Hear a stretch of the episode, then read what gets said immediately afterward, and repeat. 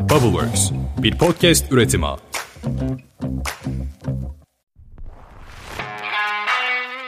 Selamlar. Kurumlara kurum içi girişimcilik ve inovasyon alanında yetkinlik transferi hizmeti veren Goin'in podcast kanalı Good Innovation'a hoş geldiniz.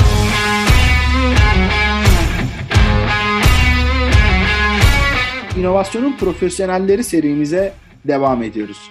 Serinin tanıtım bölümünü dinlediysen konuya zaten hakimsindir.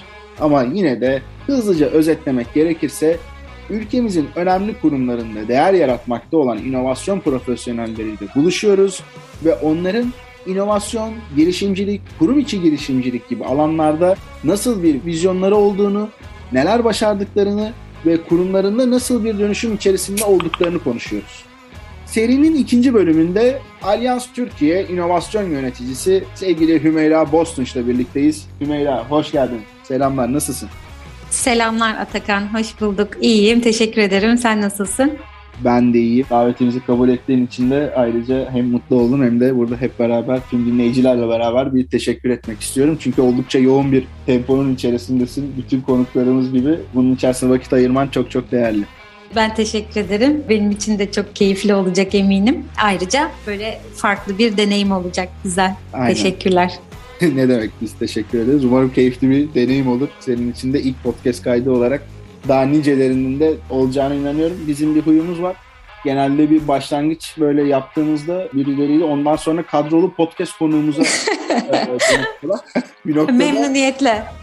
Ona da hazırlıklı ol yani şimdiden değil. Şimdi senden rica etsem bir kendini tanıtabilir misin dinleyicilerimiz için? Onun ardından da yavaş yavaş konularımıza geçelim.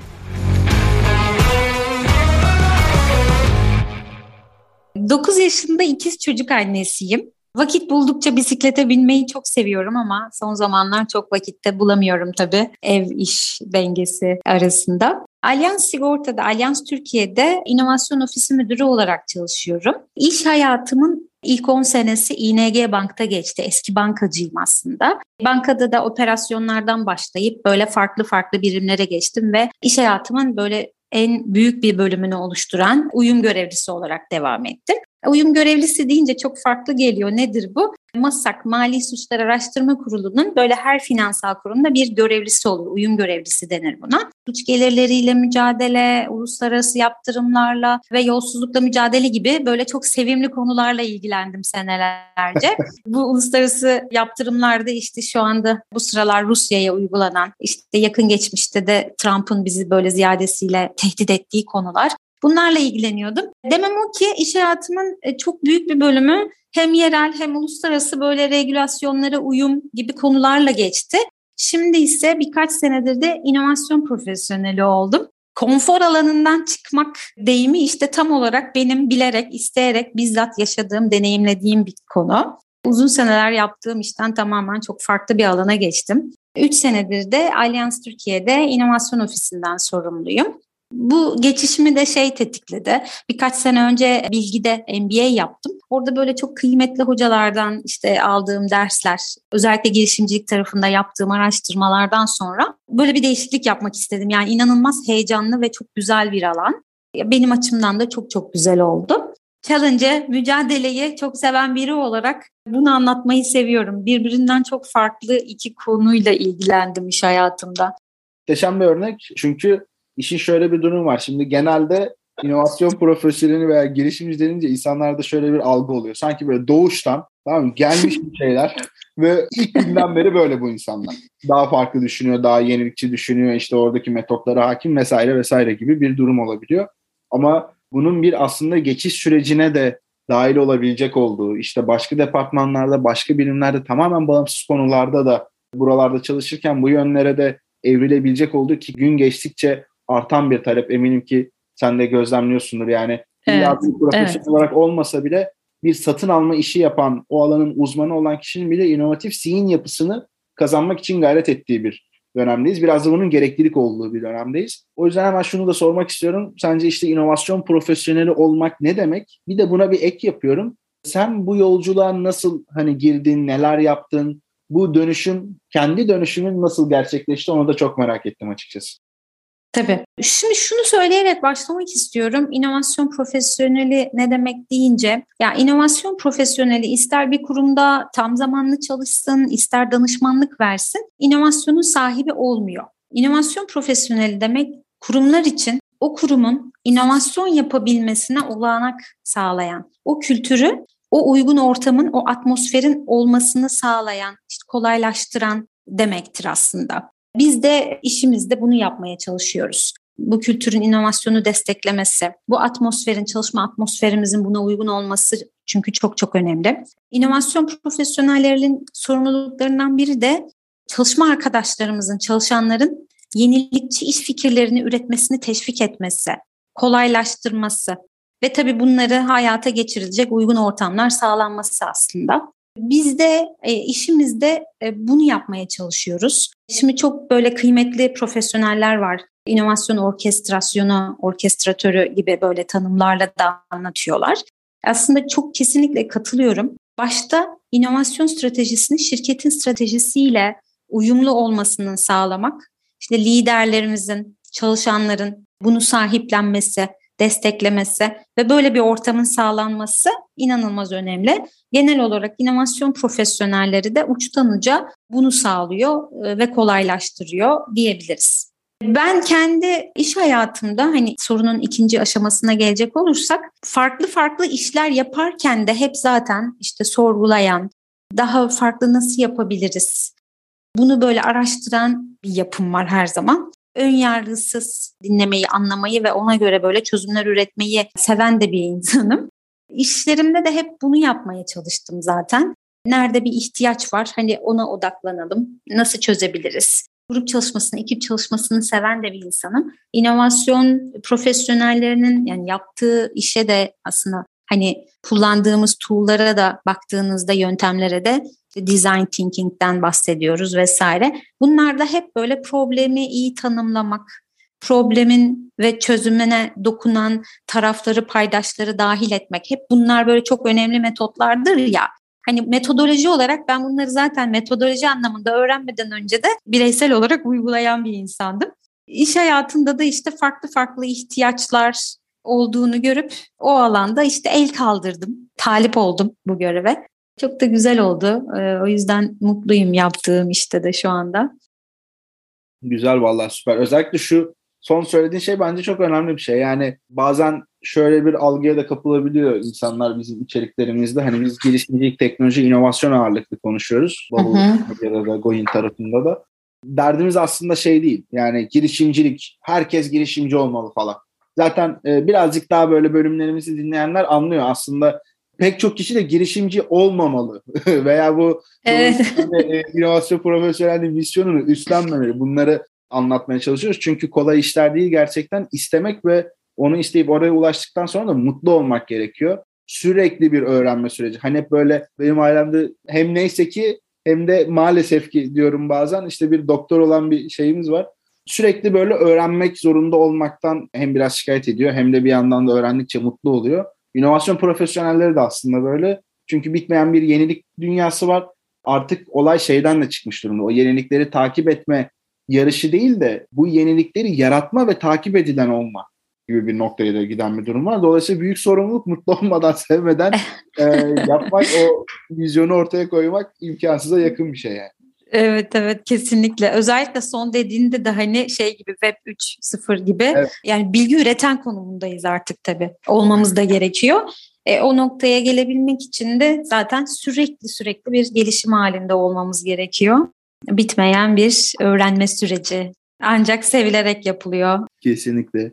Şimdi işin biraz da Alyans Türkiye veya belki senin uygun gördüğün ölçüde de Alyans'ın global boyutundan da ele alabiliriz bunu. İnovasyon adına neler yapılıyor? Ne gibi çıktılar hedefleniyor? Burada nasıl süreçler var? Bizimle bunları paylaşabilirsen çok sevinirim. Tabii şimdi Alyans'ın organizasyon yapısında farklı alanlarda, farklı ekiplerde iş modeli inovasyonu yapılıyor. Alyans çevik yapıda çalışan Agile bir şirket, Alyans Türkiye. Bireysel ve kurumsal olarak neredeyse her branşta faaliyet gösterdiğimiz için çok çeşitli iş modelleri var Alyans'da. Dolayısıyla hem böyle çevik ekiplerimizdeki iş geliştirme takımlarında, IT'de iş modeli inovasyon dediğimiz alanda inovasyon zaten yapılıyor. 2017'de inovasyon ofisi kuruldu Allianz'da. İnovasyon ofisi olarak da biz e, şirket içinde inovasyon kültürü için 5 senedir, 5 dönemdir kurum içi girişimcilik programı yürütüyoruz. Bu programla birlikte çalışma arkadaşlarımızın yenilikçi iş fikirlerini topluyoruz. Bir inovasyon komitesi kurduk. Her branştan e, arkadaşlarımızın yer aldığı bir komite.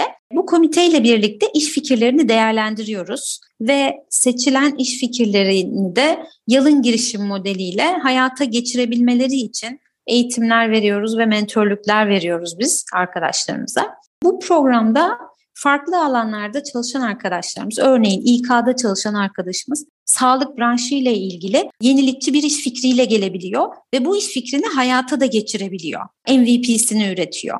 Bu iş fikirlerinin başlangıç aşamasından itibaren ayakları yere basan iş modelleri ve hatta yani çalışır proje olma sürecine kadar takip etmelerini ve yürütmelerini de sağlıyoruz. Bu bizim inovasyon kültürü için yaptığımız bir program. Ayrıca iki senedir de açık inovasyon programımız var. Hexon. Hexon programımızda Headquarters'la birlikte çalışıyoruz. Bu programımızda da amacımız startupların o inovasyon gücünü startuplarla yine yaptığımız işbirlikleriyle hem şirketimize aktarmak ve aynı zamanda hani uluslararası bir şirket olarak da startup ekosistemine de tabii katkıda bulunmaya çalışıyoruz. Yani nasıl katkıda bulunuyoruz? Startuplar için sektör bazında know-how ve bizim örneğin sigorta sektöründe hangi ihtiyaçlar var ya da gelişim alanları neler?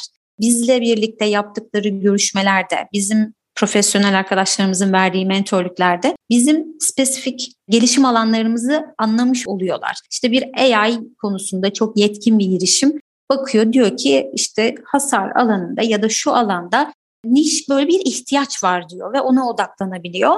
Dolayısıyla startuplarla yaptığımız görüşmelerle, yaptığımız POC'lerle startup ekosistemine de katkıda bulunmaya çalışıyoruz. Bizi en çok böyle sevindiren çıktılarımızdan bir tanesi de mesela daha önce sigorta sektöründe hiç çalışmamış girişimler bizim Hexon programımız sonrasında sigorta sektörüne de çalışmaya başladı.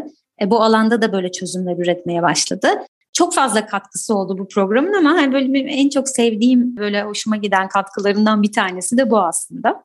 Alyans Türkiye olarak kurum içi girişimcilik ve açık inovasyon programları olarak özetleyebiliriz. Alyans Grup nezdinde de Alyans'ın dijital startup yatırımlarını yapan Alyans X VC'miz olarak hareket ediyor. Alyans X. Burada fintechlere ve insurtechlere çeşitli yatırımlar yapılıyor. Allianz X'in ayrı bir web sitesi var. Oradan da merak eden, e, bu alana ilgi duyan hangi işte yatırımlar yapılmış, çözümleri neler onlara bakabilirler. Allianz Türkiye olarak da biz e, startuplarla çalışmayı çok seviyoruz. Az önce bahsettiğim kurum içi girişimcilik programımızda bile projelerimizin MVP'lerini üretirken özellikle startuplarla işbirliği yapmaya çok özen gösteriyoruz. Kurum içi girişimcilik programımızda da Mentors Network Turkey ile beraber çalışıyoruz. Onların adını da zikredeyim burada. Anladım. Süper. Vallahi emeklerinize sağlık. Kulağa harika geliyor bu tarz süreçler. Özellikle iki taraftan da besleniyor olması çok iyi. Yani hem bunun kurumun içerisinde bir yapılanmayla yürütülmesi hem de dışarıdan da işte o girişimlerle, startuplarla bir araya gelip oradan bir karşılıklı beslenmeye doğru gidiliyor olması çok çok değerli bir şey eskiden hep böyle eski iade ediyormuşuz gibi olduk bu işin şeyde de. bir kıyaslama, hep bir karşılaştırma modundayız. Ne yapalım? Yani aynen öyle. Hani bir mevcut durum, geçmiş mevcut durum ve gelecek gibi bir, aynen. konuşma şekli olduğu için ister istemez oraya gidiyor. Ben de böyle yapacak çok bir şey yok maalesef. Ama şöyle güzel bir gelişme var aslında. Eskiden kurumlarla startupların yan yana gelmesi acayip zordu. Gerçekten kurumlar startuplarla da yan yana gelirken büyük bir güvensizlikle ya tamam hadi yapalım bari veya işte bir ürün satın alalım tamam okey gibi bir yaklaşım vardı. Ama şu anda gün geçtikçe işte senin de söylediğin gibi POC'ler yapılıyor. Hatta bazı kurumlarda da görüyoruz ortak ürünler geliştiriliyor. Bunlar beraber pazarlanıyor. Veya yine bahsettiğin gibi işte başka bir alana hizmet verirken birdenbire o yan yana geldiği kurumun da bulunduğu sektörde değer yaratmaya başlıyor. Bunlar iki tarafı da evet. ciddi bir şekilde besliyor yani. Hem kesinlikle olarak besliyor, e, zihin yapısı olarak besliyor. Hem de gelir kaynağı olarak da aslında bir noktada o kesişimler başladıkça destekliyor. O yüzden oldukça değerli. Tabii burada kesinlikle haklısın. Karşılıklı besliyor. Özellikle startuplarla yaptığımız POC'lerde bizim taleplerimiz onların kendi sistemlerini geliştirmelerini sağlıyor. Onların bize soruları ya da bazı varsayımları, sorgulamaları da bizim kendi süreçlerimizi de bazen sorgulamamızı sağlıyor. Dolayısıyla gerçekten startuplarla birlikte oturup bir şeyleri geliştiriyor olmak her iki tarafı da katkısı var. Özellikle bize POC tarafında sürecinde bile fatura kesmiş olmaları onlara iyi bir referans oluyor. Bazen yatırım almalarını kolaylaştırıyor ya da yeni e, müşteriler edinmelerini kolaylaştırıyor. Win-win çok güzel startuplarla işbirliği yapmak her iki taraf için çok faydalı. Kesinlikle. Buradan da eğer bu bölümü dinleyen girişimler varsa ve kesiştiklerini de düşünüyorlarsa artık bu kadar yorumun ve açık kapının ardına herhalde bir kapını çalarlar diye düşünüyorum yani eğer bugüne kadar çalmadılarsa. Bekliyoruz tabii. Çalan var sağ olsunlar geliyorlar iş fikirlerini, iş modellerini anlatıyorlar. Biz de alyans içinde hangi ihtiyaçla birleştirebiliriz, evlendirebiliriz, bir araya getirebiliriz. Sürekli o konuda hani kafa yoruyoruz. Şimdi yavaş yavaş böyle bölümün sonuna doğru da geliyoruz ama bir de merak ettiğim bir şey var. İşin kurum için girişimcilik tarafında kurumlarda artık çok yoğun çalışılıyor. Bunu çok fazla yerden de duyuyoruz. Gerçekten mesai yettirmek zor bir hale geldi. Pandeminin ardından özellikle sık sık duymaya başladığımız bir konu. Ama bir yandan buradaki bu yenilik odaklı süreçleri, inovasyon süreçlerini de bırakmamak gerekiyor. Sizin örneğinizde olduğu gibi de buna devam ediliyor. Burada böyle yaşadığınız çeşitli zorluklar var mı veya işte bunları aşma konusunda sen neler öneriyorsun? Bunu hem başka bir inovasyon profesyonelleri için de düşünebiliriz. Çünkü bir arada geliştikçe daha iyi bir noktaya giden bir yapı var. Bir yandan da belki işte burada kurumlarda çalışan ama bu inovatif zihin yapısını kazanmak isteyen kişiler için de değerli bir yorum olabilir. Bu bir motivasyon da olabilir. Tamamen sana bırakıyorum. Bu alanda karşımıza çıkan zorlukları nasıl aşmalıyız diye de özetlemiş olayım soruyu. Zorlukları nasıl aşmalıyız kısmı çok zor bir soru. evet. evet. Ee, en çok karşılaştığımız zorluklar çalışma arkadaşlarımızın inanılmaz bir yoğun iş temposu içerisinde çalışıyor olması. Yani Agile çalışan da bir şirket olarak tüm çalışma arkadaşlarımız hakikaten kime dokunsak inanılmaz yoğun. E, dolayısıyla bu yoğun tempoda yenilikçi iş fikirleri geliştirmek, araştırmak, bazen işte rekabet analizi, müşteri içgörüsü toplama vesaire bunlar zor olabiliyor arkadaşlarımız için. Dolayısıyla yeni iş yapma, inovasyon, iş modeli inovasyonu yapma konusunda çok ekstra efor sarf etmeleri gerekebiliyor. Bu bize en çok zorlayan konu aslında. Ama yine de bakıyoruz ki hani hem kendine hem işine değer katmak isteyen yetkin arkadaşlarımız zaten her zaman gönüllü oluyorlar ve el kaldırıyorlar. Ee, girişimcilik programlarına katılmak için gerek kurum içi girişimcilik gerekse açık inovasyon programlarımızda. Çünkü açık inovasyon programlarımızda da hani kurum profesyoneli olarak mentorluk vermesi gerekiyor. Yine startupla oturup POC'de zaman harcaması gerekiyor, emek vermesi gerekiyor. Bir de özellikle yeni iş fikri geliştirme konusunda arkadaşlarımız bazen hangi metodolojileri kullanacağını bilemiyorlar. Yani gerçekten bu alanda bir şeyler yapmak istiyorlar ama nasıl iş fikri geliştirebiliriz konusunda bazen tıkanabiliyorlar. Bu konuda biz iş fikri geliştirme, fikir geliştirme çalıştayları yapıyoruz arkadaşlarımızla. İşte brainstorming'den how might we'ler vesaire bir araya gelerek fikir geliştirme çalıştayları yapıyoruz ve bu metodolojileri aslında özümsemelerini sağlıyoruz. Bu süreçlerin en başında belki tüm çalışma arkadaşlarımızın bu tip faaliyetlere katılması, yeni iş fikri geliştirme konusunda motivasyonu başlangıç aşamasında e, bu alanı çok belki e, bilmedikleri ya da zaman ayırma konusunda endişeleri olduğu için daha temkinlilerdi. Fakat bu programlarda çıktıların artmasıyla katma değerli çıktıları gördükçe hem bireysel olarak kendilerine hem de kurumumuza katkılarını gördükçe motivasyonları da arttı tabii arkadaşlarımızın. Bu konudaki çıktıların katma değerlerini de iyi göstermek gerekiyor şirkete. Çalışma arkadaşlarımızın, liderlerimizin bunu sahiplenmesi oldukça önemli. Sahiplendikten sonra her şey biraz daha kolaylaşıyor diyebilirim. Kesinlikle burada yani üst yönetim diyeceğim ama tek başına da yeterli değil. Bütün yönetim kadrolarının aslında olayı sahipleniyor olması, çıktılara inanıyor olması çok çok değerli oluyor. E mesela Atakan burada bir şey eklemek istiyorum. Bizim kurum içi girişimcilik programında e, çok emek ve çok efor var. Başta değerlendirmeyi yaptığımız bir inovasyon komitesi var demiştim. Bu ilk değerlendirme sonrasında projeler ilerliyor, bir ilerleme kaydediyor ve iki defa böyle değerlendirme süreci oluyor. Bu değerlendirme sürecini bizzat bizim icra kurulu üyelerimiz yapıyor. Yarım saatlik bir toplantıyı bile kendilerinden almanın çok zor olduğu bir dönemde ve ortamda 2-3 saatini buraya ayırıp farklı iki tarihte iki defa bizzat oturuyorlar, değerlendiriyorlar, e, yönlendirmeler yapıyorlar bu programa, bu kültüre inanmış olmaları ve desteklemeleri zaten inanılmaz kıymetli şirketimiz için. Kesinlikle ya bu çok sık duyduğumuz bir şey. Bunu tekrar tekrar duyurmayı ve konuşmayı da çok seviyoruz çünkü halen daha gidecek olduğu çok nokta var. Bunun üst yönetim tarafından bu şekilde sahipliğini görmek aynı şekilde diğer kademelerdeki çalışanlar için de ciddi bir moral motivasyon kaynağı da yaratıyor. Böylece evet. o emeği verdiklerinde gerçekten aslında kurumun stratejisiyle, vizyonuyla uyumlu olan bir noktaya çalıştıklarını, bu çalışmaların bir çıktısı olacağını, böyle havada sonradan gaz ve toz bulutuna dönüp puf diye yok olmayacağını daha net bir şekilde görüyorlar ve doğal olarak bu da bir çalışmayla ilgili bir daha işte yoğun bir tempo varsa bile o özveriyi göstermeye yönelik bir tetikleme, bir istek yaratıyor. Bu da evet. değerli, önemli bir şey. Şimdi artık son şeyimize doğru geliyoruz senden birkaç kapatırken tavsiye almak istiyorum aslında burada. Sence Tabii. bireyler ve kurumlar bu konuda kendisini nereye doğru evritmeli? Artık şeyleri bölüm öncesinde konuştuk gerçi seninle ama inovasyon yapılmalı mı, yapılmamalı mı bunları aşmış durumdayız. Hani nasıl yapılacak, nasıl bir vizyona sahip olmalıyız? Bu vizyona sahip olmak için belki senin bu bireysel yolculuğunla da birleşebilir. Neler yapmamız gerekiyor? Ne bir şeyi okumak bile olabilir buradaki yorumun tamamen sana kalmış.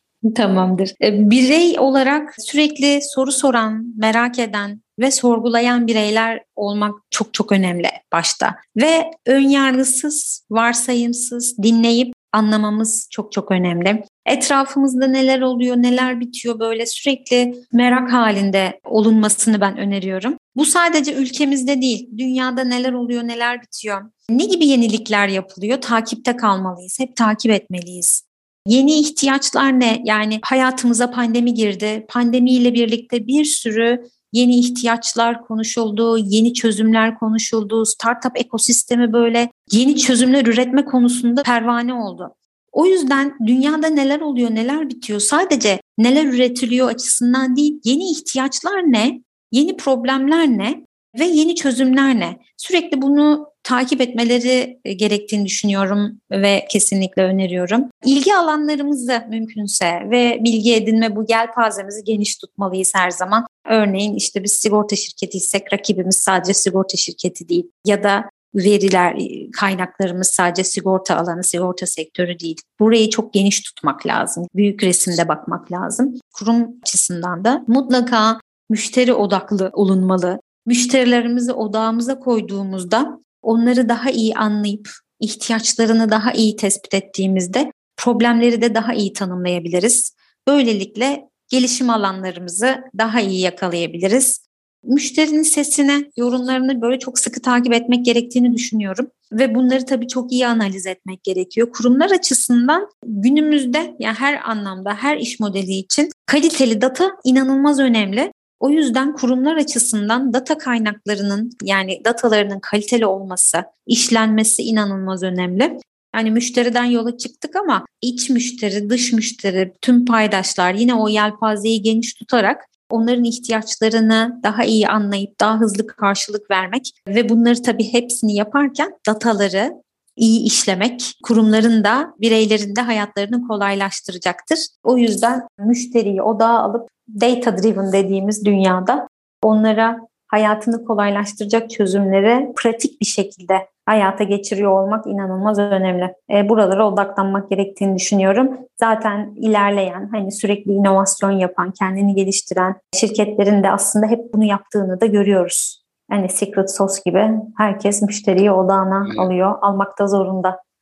bizim de en önem verdiğimiz noktanın böyle altını çizerek bitirmiş olduğun yorumları müşteri, müşteri, müşteri sağdan beslenmeyen bir fikir gerçekten hiçbir şey ifade etmiyor demeyelim ama pek bir şey ifade etmiyoryu rahatlıkla söyleyebiliriz diye düşünüyorum. Çünkü bizim için olan bir problem başkasının bir problemi olmayabilir. Daha da ötesi bunun kaç kişinin problemi olduğu ve ne kadar derinlikli bir acısı olup olmadığı da son derece önemli konular. Ben evet. tekrar ettiğim sen gayet güzel bir şekilde zaten altını çizdin. Çok teşekkür ediyorum katılımın için Ömer'e. Hem bireysel hikayenle hem de işte kurum içerisinde yapmış olduğunuz çalışmalarla bence bayağı ilham verici, yol gösterici bir içerik oldu. Ağzına sağlık diyorum. Çok sağ ol. Çok teşekkür ederim Atakan. Ne demek. Görüşmek üzere yeni bölümlerde. Görüşmek üzere. Görüşmek üzere. Hoşçakal.